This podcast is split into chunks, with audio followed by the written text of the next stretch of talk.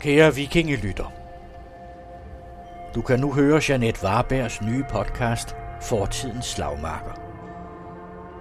Hun fortæller om 6.500 års blodige krige og kampe. Find den, hvor du plejer at finde din podcast.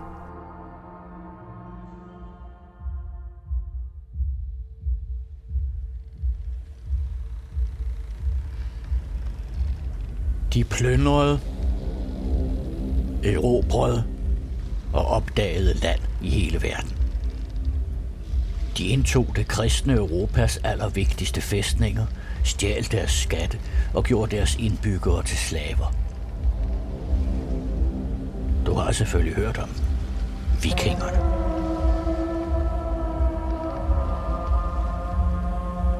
Men hvordan blev Skandinaviens folk så magtfulde krigere og købmænd?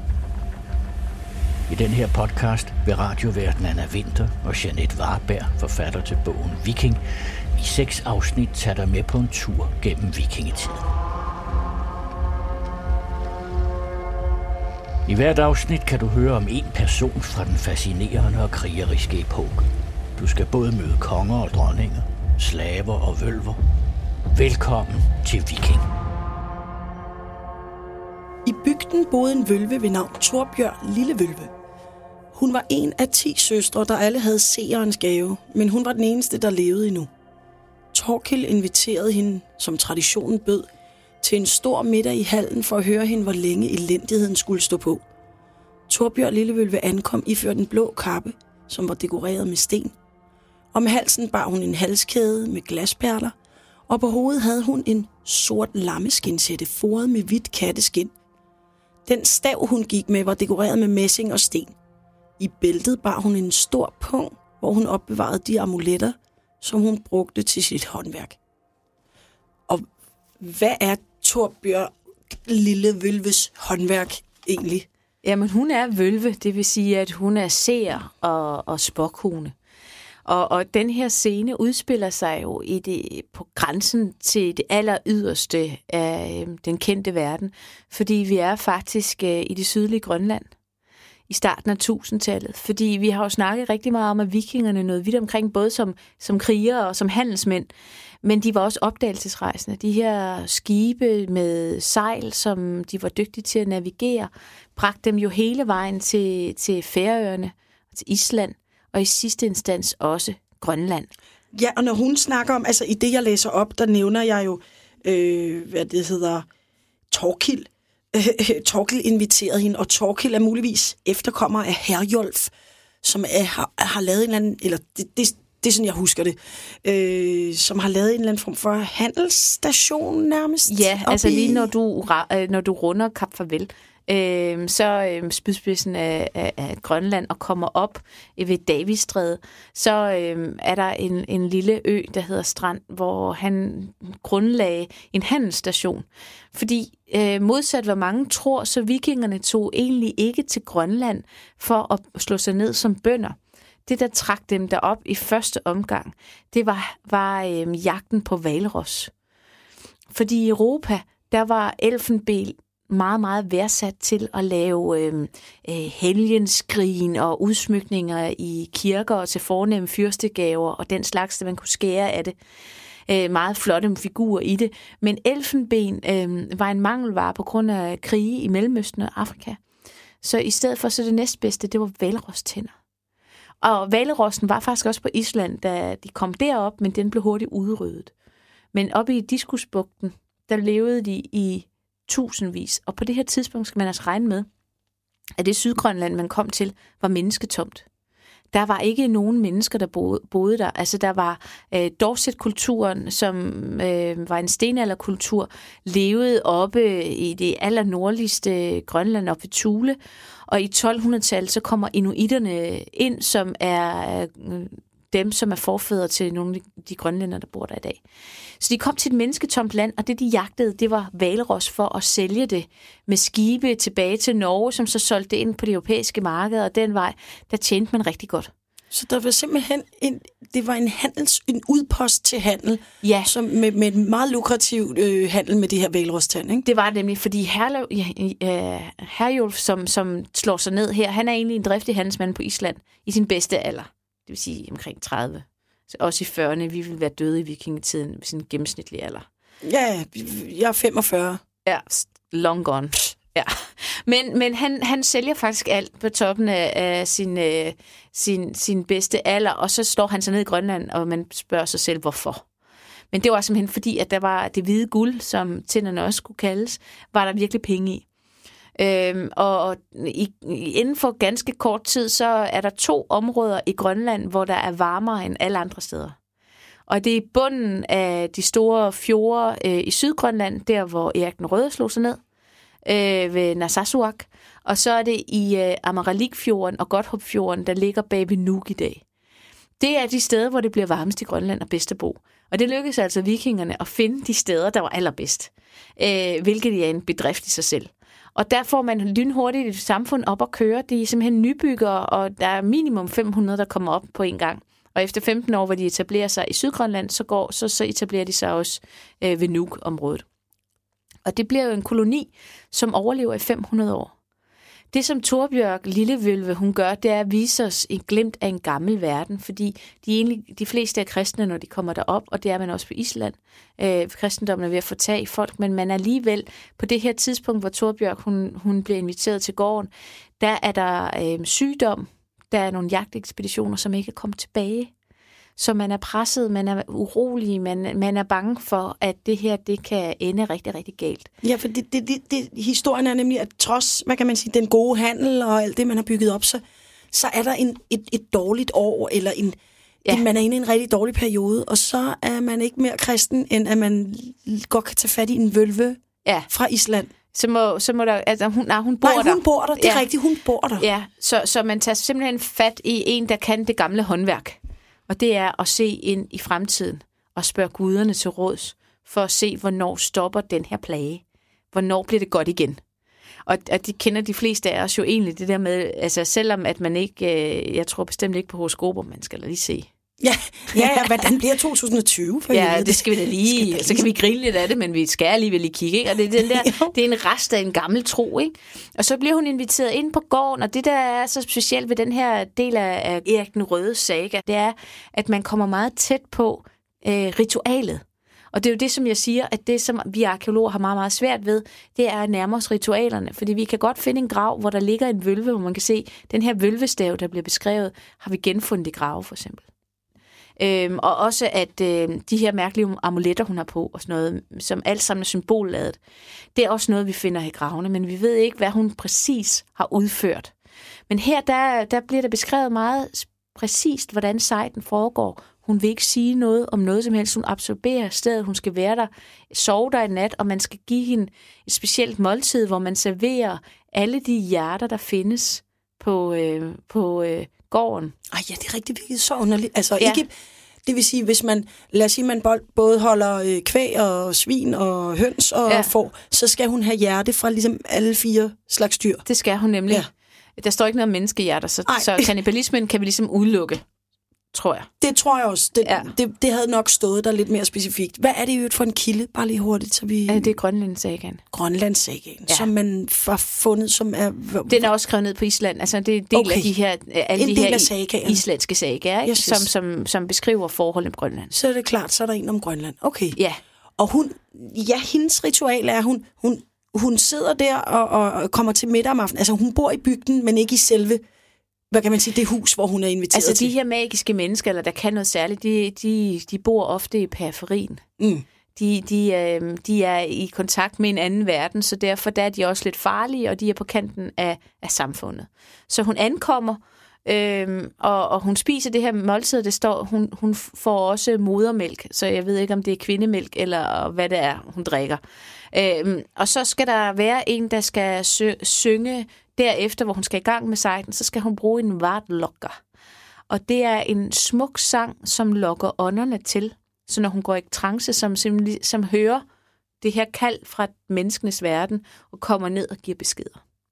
Øhm, og der er der Gudrid, som egentlig er kristen, men hendes fostermor på Island, hvor hun kommer fra, har lært hende, hvordan man skal synge en vartlokker, og hun har en meget smuk stemme. Så hun synger den her, og vi ved jo ikke, hvordan det har lyttet, men jeg tror, det har været ret magisk i den her øh, hal, der har været varm og koldt uden for Grønland. Så ritualet, og så ser hun ind i fremtiden gennem det her ritual, og derefter, der kan man stille hende spørgsmål. Altså det store spørgsmål er, vil det blive godt igen? Og så siger hun ja. Ja, det vil det. det gør hun. Hun siger faktisk, øh, var det den her, hun, hun øh, da, da sangen er slut, takkede Vølven, og hun sagde, før denne sang ville ånderne intet have med os at gøre, og de vil ikke underkaste sig vores vilje. Nu er mange ting klart for mig, som før var skjult for mig og andre. Og jeg kan sige at hungersnøden ikke vil vare meget længere, og året vil blive bedre med foråret. Sygdommen, som har varet så længe, vil forsvinde hurtigere end ventet. Ja. Så det er jo gode nyheder. Det er det. Det er lidt ligesom, når vi læser vores horoskoper, ikke? Det er den sikre. Øh, som hun, fordi at, at øh, som regel, når det har været rigtig skidt, så, så bliver det som regel lidt bedre, ikke? Øh, og derefter så kan folk så gå op, øh, og man betaler jo for det, men, men så kan man stille hende spørgsmål, og hun svarer. Og der står også, at de var tilfredse med hendes svar. Ja. Og så trækker hun sig tilbage igen, indtil der er en ny gård, der kalder på, at hun skal komme. Og så, så får hun jo en eller anden form for betaling for at gøre det her. Og det er jo, det er jo en gammel tradition, der går tilbage til, til, øh, til jernalderen, at man har de her kvinder, man kalder ind. Det har også været øh, farligt at være vølve, fordi du har rådgivet øh, konger, og hvis du så for eksempel siger noget, du ikke giver det sikre svar, men siger noget, som kongen ikke vil høre, eller at det viser sig, at det var et dårligt råd, du gav, så, så kan man risikere at blive slået ihjel. Ja, og samtidig kan man også forestille sig, at både den bagside, men også den, at folk på en eller anden måde er lidt bange for en, ja. Øh, og, og og, og der kan jo også være noget, at hun måske har fået betalinger, eller hvad kan man sige, fedtegaver, for, for ligesom at sige, jamen hvis hun kan det der, fordi et af, hun kan se ind i fremtiden, men det er så også som om, de kan muligvis, altså når du snakker om det her, at de kan sejde, som ja. man kalder den der magi, de kan også påvirke ting med deres magi. Det kan de, og, og derfor har man også sådan øh, altså haft sådan lidt øh, øh, set lidt skævt til dem. Der er faktisk, hvis jeg øh, kan, jeg vil gerne læse op fra øh, fra, fra Vølvens spådom. Og der, der taler man om hejt. Og der skriver man, hejt hun hed, hvor til huse hun kom, spående vølve. Ulve hun tæmmede, sejt hun øvede, sejt hun elskede. Altid var hun yndet af onde kvinder. Så der ligger sådan en undertone af, at de har ikke været af det gode. Og man skal, altså det har jo også været sådan, at de har været en slags øh, lægekoner, men de har også kunne udøve ond magi. Ja, og på en eller anden måde er det alligevel øh, det spændende ved den religion, som de kommer i, eller den tid, er, at man, man er ikke sådan, ligesom man gjorde i kristendommen, sådan, den heks, brænd hende, Altså, man, man synes, de var lidt farlige, man var bange for dem, men man accepterede dem og brugte dem. Ja, altså de var del af, øh, af, af troskomplekset. Så, så de var lige så vel, som man ikke ville brænde en præst, ville man heller ikke brænde en vølve. Altså, hun havde en kultfunktion. Ja, hun var øh, ja. en af, øh, hvad kan man sige, Og man en kan se, se øh, hekseafbrændingen er vel en lille rest af, at, at kirkens mænd godt vidste, at der har været inden for den gamle øh, tro har været nogle meget stærke kvinder, som, som, som blev demoniseret, fordi at de var en trussel til den magt, de havde. Man kunne gå til dem, hvis man ikke var tilfreds med præsten, og det kunne præsten jo selvfølgelig ikke leve med. Det taber magt. Ja, så på en måde tænker man, at den funktion, den, det job i gåseøjne at være vølve, kunne på en eller anden måde godt have fortsat i blandt nogen ja. kvinder, øh, selv langt op i, i kristendommen. Man har en lov fra Norge fra middelalderen, der siger, at man forbyder almindelige mennesker at holde eget alter og bære stav. Og vølvens kendetegn var jo staven. Så man kan sige, at Harry Potters tryllestav er jo egentlig tilbage til vølvens arbejdsredskab. Ja, at man har en, en magisk stav. Der ligesom er med til at, at, at vise, at du er noget særligt, men hun har sandsynligvis også brugt den som led i ritualet.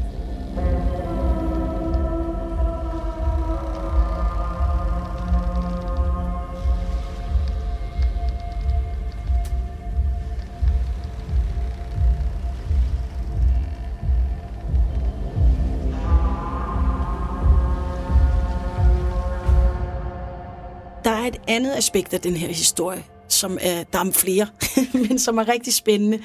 Det er det her med, at hende, som så kan synge sangen for Torbjørn Lille Vølve, hende, der melder sig Gudrid, eller hvad hun hedder, ikke? Ja. hun får så spået, at hun vil rejse til Amerika. Er det ikke det? Eller hvad, hvordan er det med hende? Hun, uh, der er i hvert fald, hvad kan man sige, nogle af dem, der var på Grønland, det er så ikke noget lige med Torbjørn at gøre, der er en af dem, hvis søn eller et eller andet skal derop, han, han rejser derop af og kommer til at rejse for langt og rammer så Ja. forbi Grønland og rammer Amerika. Ja, det her er jo søn Bjarne, som er egentlig tilbringer meget tid i, i Norge og passer forretningen der. Der skal jo både, når man er handelsmand, så skal man både have det sted, hvor, hvor man ligesom får varerne, og så der, hvor man afsætter dem, det, det tager, tager Bjarne eller Bjarne sig af. Øhm, og han skal hen til far første gang, efter han er flyttet fra Island, så skal han prøve at finde det der Grønland. Og han sejler forkert, han sejler for langt, og så ser han den her kyst. Øh, går ikke i land, han er en forsigtig mand, og vender om og finder den rigtige havn i Grønland. Og han får jo skæld ud for, at, øh, at han ikke er eventyrlysten at tage afsted og prøve at udforske det her land. Det er der så andre, der gør. Øhm, og æren tilfælder Leif den lykkelige Erik den Røde søn. Om det er Leif, der tager afsted, det ved man jo ikke. Men der er i hvert fald nogen, der forfølger det spor med øh, rygtet om, at der er land længere over. Og der kommer man til Kanadas kyst, og man sejler ned langs med kysten, indtil man kommer til et sted, hvor det altså ser lidt mere venligt ud. Øhm, og man har faktisk flere ekspeditioner til Amerika, fordi at øh, Grønland er jo træløst. Og når man er en skibsnation, så er det at have træ altså rigtig, rigtig godt. Øh, så så man, man får træ fragtet til Grønland, og man kan se, at de har, har, man har fundet en af deres, øh, deres bopladser øh, ved Newfoundland, ved La Ons og Meadows, hvor man simpelthen har fundet ud af, at der til 20-40 år har der boet vikinger der. Det har været sådan en mellemstation. Og der er i deres affaldslag, arkeologer, vi elsker andre folks skrald, fordi det afslører rigtig meget om, hvad, hvor de har været hen og hvem de var. Og i det skrald, der lå der øh, valnødkerner, eller øh, skaller. Øh, og valnød vokser øh, helt ned omkring New York. Så der har de sandsynligvis været nede og proviantere og, og fylde lagerne op med alt muligt lækkert, som Amerikas natur kunne byde på og tage med tilbage til, til Grønland, som er meget mere sparsomt i vegetationen. Yes, så man har ikke bare, hvad kan man sige, så- sådan som man opfattede det før, at vikingerne nåede til Amerika, så er det sådan nærmest opfattelsen af, at de satte deres tog ned på Amerika og, og så øh, lettede og tog tilbage. Men der har alligevel været en, noget aktivitet der. Ja. Og altså, nu fandt jeg lige det sted, fordi at øh, Gudrid, som øh, Vølven takkede Gudrid, så står der, øh, kvinden, der sang så, smukt, sang så smukt Gudrid, blev spået et langt liv på Island. Ifølge Grønlænder sagaen var hun født på Island, rejste til Grønland som ung pige. Herfra rejste hun til Amerika, til Norge og derpå til Island igen. Altså, og hun, øh, Gudrid drog nemlig på med sin mand på eventyr i Vinland, og hun fødte den første europæer i Amerika. Altså, det, det kan man sige, det, det tror man i hvert fald ikke, men hun har simpelthen født et barn, mens de har været Ja. på rejse i Amerika. Det, det, i, ifølge den sag, Ifølge ja. sagaen, ja. ja. det gjorde hun. Øhm, så øhm, der øhm, kan man sige, at hun, øh, hun er jo en, af, en anden af de her stærke kvinder, som vi finder i, i, øh, i kilderne. Ikke? Altså hun har øhm, rejst til, til øh, Grønland, og så tænker hun, her har jeg ikke de muligheder. Jeg må prøve at se, om jeg kan få, hvad med det nye land? Altså det der med, at man er eventyrlysten, og man er villig til at satse. Fordi det, at man satser, kan man også opnå måske større rigdom eller hæder eller bedre liv. Ikke? Så det, det, der går på mod, øh, gør, at hun sammen med sin mand tager afsted for at se, om man ikke kan slå sig ned i, øh, i Amerika. Ja, og hun blev vildt berejst, fordi hun ender ligesom med, altså, at øh, hun er jo ikke sjov der med, hun er den eneste, der siger, ja, jeg kan godt den der hedenske sang, som Vølven har brug for. Ja. Øh, men samtidig ender hun med, altså på sine ældre dage tog hun fra Island på en pilgrimsrejse til, til Rom. Så hun er også sådan en fed blanding af, at, at man... Øh, at man kan godt være med i det hedenske, men, men man er kristen, og man opsøger de nye... Øh, det, altså for dem, den nye, den er jo ikke så ny mere, kristendommen. Men Ja, altså hun, øh, Øh, hun er på mange måder en, en moderne kvinde, hvis man skal tro den historie, der er om hende, fordi hun, hun, hun giver sig i kast med at rejse til Amerika, føder sin søn derovre, Man, men støder på, på problemer, fordi det er jo ikke ligesom Grønland øh, mennesketomt land. Der bor rigtig mange indianere øh, og forskellige stammer. Og, øh, og, og, og vikingerne kommer ikke med så mange. De, kom, de er i forvejen en sparsom koloni, øh, som er langt væk fra moderlandet Europa og, og Norge og Skandinavien, øh, og i mellemstationen af Island, der heller ikke er så tæt befolket. Så man har ikke det der store befolkningspres, der skal til for ligesom at tiltvinge sig land.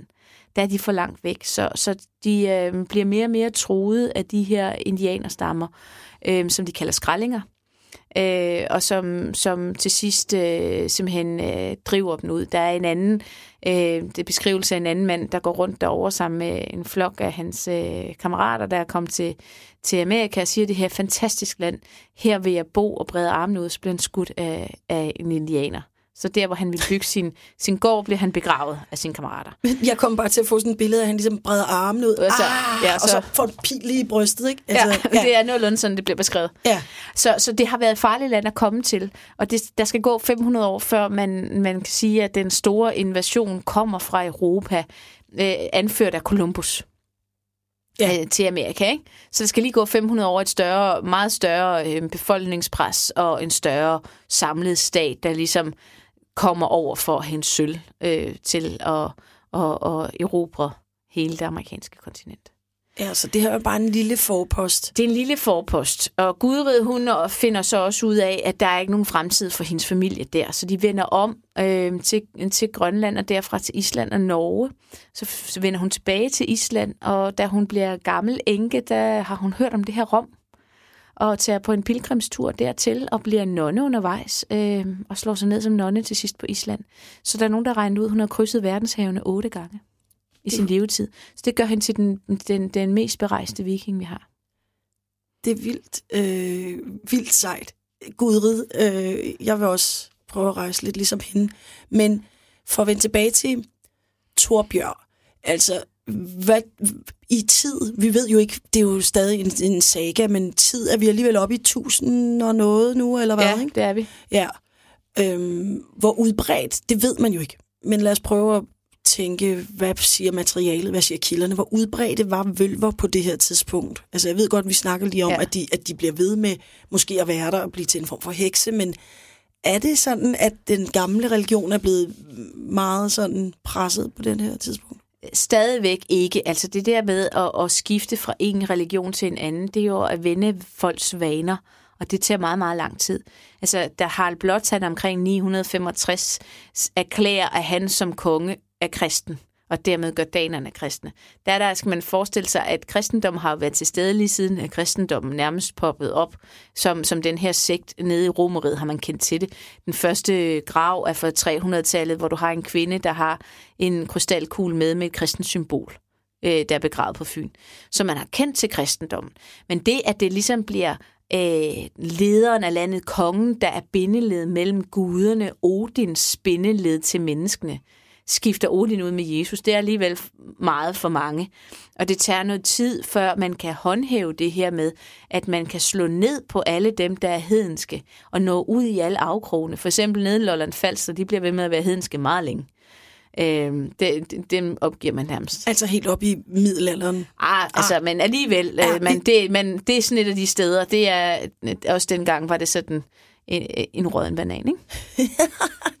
hvor de bare rendte rundt og offrede folk. Og, uh. og til to og sådan noget. Men altså, det jeg vil ligesom vil sige, det er, at det tager faktisk indtil midten af 1000-tallet, 1050, før man begynder sådan alvorligt at bygge kirker, for eksempel, og inddele landet i sovne og den slags. Altså den der øh, ordentlighed og, og, og, og byråkrati, som der også følger med kirken, bliver først rullet ud 100 år senere.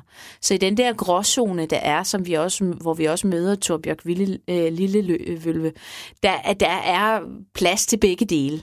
Ja, man har accepteret det. Ja. Altså, det har ikke engang været noget med, at man ikke, ikke bare havde man ikke tid til at slå ned på det, men man havde måske heller ikke et behov eller lyst til at slå ned ja. på det. Man tænkte, hvis det nu kan holde, holdes på et niveau, Ja, og man kan sige øh, også omkring Fyrkat, øh, en af de ringborg, som Harald Blåtand han byggede øh, for ligesom at, at tage kontrol over hele Danmark.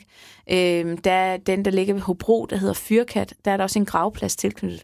Og der er faktisk fundet en kvindegrav øh, som, som indeholder øh, så mange mystiske ting og en vølvestav, at, at det må være en vølve, der ligger her. Og så kan man så spørge sig selv, at, at den her kristne konge, at han så alligevel har en vølve liggende på sin øh, en af de her øh, gravpladser tilknyttet hans, hans borge. Og det har nok været, at det, det kan godt være, at han har sværet troskab til kirken, men han har måske nok stadigvæk haft en vølve, der kunne rådgive ham ja, undervejs. Så til at starte med, og det, der er jo delte mening om det, men jeg tror, vi to er rimelig meget på den samme side omkring, hvorfor det er, man tager kristendommen til sig. Det er ikke, fordi man pludselig øh, vågner op og, og bare ser Jesus. Øh, woo, Jesus saves. Det er nok mere et politisk valg, så der går i hvert fald 100 år, måske mere, før man begynder virkelig at tro på det. Altså først er ja. man bare sådan, ja ja, vi er kristne, for ikke at få tæv, og for ligesom at være med i klubben, ikke? Jo, også fordi der er helt klart nogle, nogle, nogle fordele ved, hvis man vil være en del af, af, af det, det store politiske spil i Europa så, så er kristendommen det, som, som, som er øh, et, et helt naturligt valg. Altså det er magtens religion. Odin kan ikke længere stå imod det pres, der kommer fra den velorganiserede krig, øh, kirke. Og det er også øh, på det her tidspunkt Harald Blåsand, han bliver jo presset af, at... Øh, at, at hans forgængere fik has på karolingerne, altså Karl den Stores slægtslinje. Men så er det jo bare, så popper der en ny op, og det er dem, vi kalder otonerne, som, som øh, kommer fra et andet, fra det, fra det østlige øh, Tyskland, og som egentlig opbygger det øh, tysk-romerske kejserige. Så før var det ligesom frankerne, ja. og, og hvad man vil kalde det, der er Frankrig, noget af ja. Tyskland. Men, men det der magtcenter rykker ligesom længere øst på.